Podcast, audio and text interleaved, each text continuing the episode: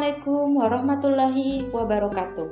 Selamat datang di program studi Pendidikan Bahasa Indonesia Podcast bersama saya Eka Suci Al-Qurani sekaligus host Anda kali ini. Dan narasumber kita Saudara Iketut Dehendra. Pada pokok pembahasan kali ini, kita akan membahas hakikat, sejarah, kedudukan, dan fungsi dari bahasa Indonesia. Oke, langsung saja kita mulai pada pembahasan pertama, yakni hakikat bahasa Indonesia. Menurut narasumber kita, Saudara Hendra, apa sih itu hakikat bahasa Indonesia? Baik, terima kasih atas kepercayaan yang diberikan kepada saya sebagai narasumber. Berbicara mengenai hakikat bahasa. Apa sih itu hakikat bahasa? Bahasa dapat diartikan sebagai sebuah kode atau tanda yang disampaikan kepada orang lain dan orang lain tersebut paham terhadap apa yang kita sampaikan. Nah, teman-teman sudah paham kan tentang hakikat bahasa Indonesia? Sekarang kita akan melanjut ke pokok pembahasan yang kedua, yakni sejarah bahasa Indonesia. Nah, teman-teman pasti penasaran kan bagaimana sih sejarah dari bahasa Indonesia? Nah, di sini Saudara Hendra akan menjelaskan bagaimana sejarah dari bahasa Indonesia. Didengarkan baik-baik ya, teman-teman.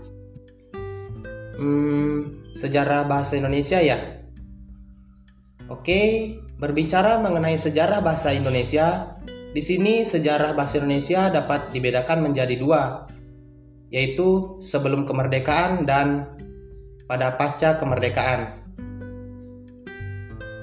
Sejarah bahasa Indonesia sebelum kemerdekaan itu berasal dari bahasa Melayu yang terbukti dari ditemukannya prasasti-prasasti pada abad ke-7 sebelum Masehi yang bertuliskan dari bahasa Melayu.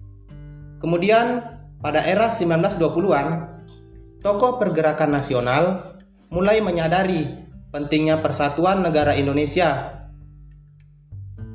Dari situ, Kongres Pemuda pada tanggal 28 Oktober 1928 terbentuklah Kongres Pemuda II yang berbunyikan Sumpah Pemuda.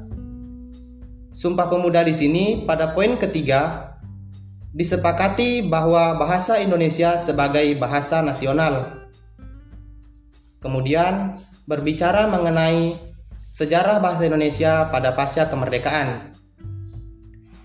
Pada tanggal 17 Agustus 1945, kemerdekaan negara Republik Indonesia. Kemudian, sehari setelah kemerdekaan negara Republik Indonesia, pada tanggal 18 Agustus, bahasa Indonesia disepakati sebagai bahasa negara. Kemudian, dicetuskanlah secara konstitusional atau secara hukum berisi Undang-Undang Dasar 1945 bab 15 pasal 36 bahwa bahasa negara adalah bahasa Indonesia. Terus menurut saudara Hendra, apa sih faktor yang menyebabkan bahasa Melayu diangkat sebagai bahasa Indonesia? Ya, faktor di sini mengapa bahasa Melayu diangkat sebagai bahasa Indonesia? Itu terdapat beberapa bagian yang pertama, sebagai bahasa perdagangan atau lingua franca. Kemudian yang kedua, bahasa Melayu di sini adalah bahasa yang sederhana. Terus yang ketiga yaitu adanya kesepakatan antara suku-suku. Dan yang terakhir, kesanggupan bahasa Melayu sebagai bahasa budaya. Oh, seperti itu ya. Nah, teman-teman sudah paham kan bagaimana sejarah dari bahasa Indonesia? Sekarang kita lanjut pada pokok pembahasan selanjutnya, yakni bagaimana sih bentuk dari kedudukan bahasa Indonesia? Nah, berbicara kedudukan bahasa Indonesia itu sendiri dapat dibedakan menjadi dua bagian. Yang pertama yaitu sebagai bahasa nasional terbukti dari poin ketiga Sumpah Pemuda. Terus yang kedua yaitu sebagai bahasa negara, terbukti dari Undang-Undang Dasar 1945 bab 15 pasal 36. Oh, seperti itu ya. Nah, teman-teman sekarang sudah tahu kan bagaimana kedudukan dari bahasa Indonesia? Sekarang kita akan lanjut ke pokok pembahasan terakhir, yakni tentang apa saja fungsi dari bahasa Indonesia itu. Nah, fungsi bahasa Indonesia. Fungsi bahasa Indonesia di sini dapat dibagi menjadi tiga bagian. Yang pertama yaitu fungsi bahasa Indonesia secara umum, yang kedua, fungsi bahasa Indonesia secara nasional, dan yang ketiga, fungsi bahasa Indonesia secara negara. Fungsi bahasa Indonesia secara umum di sini dapat dibagi menjadi beberapa bagian. Yang pertama yaitu sebagai alat komunikasi, yang kedua sebagai alat ekspresi diri, yang ketiga sebagai alat berinteraksi dan berintegrasi sosial. Yang keempat, sebagai kontrol sosial. Kemudian, fungsi bahasa Indonesia secara nasional.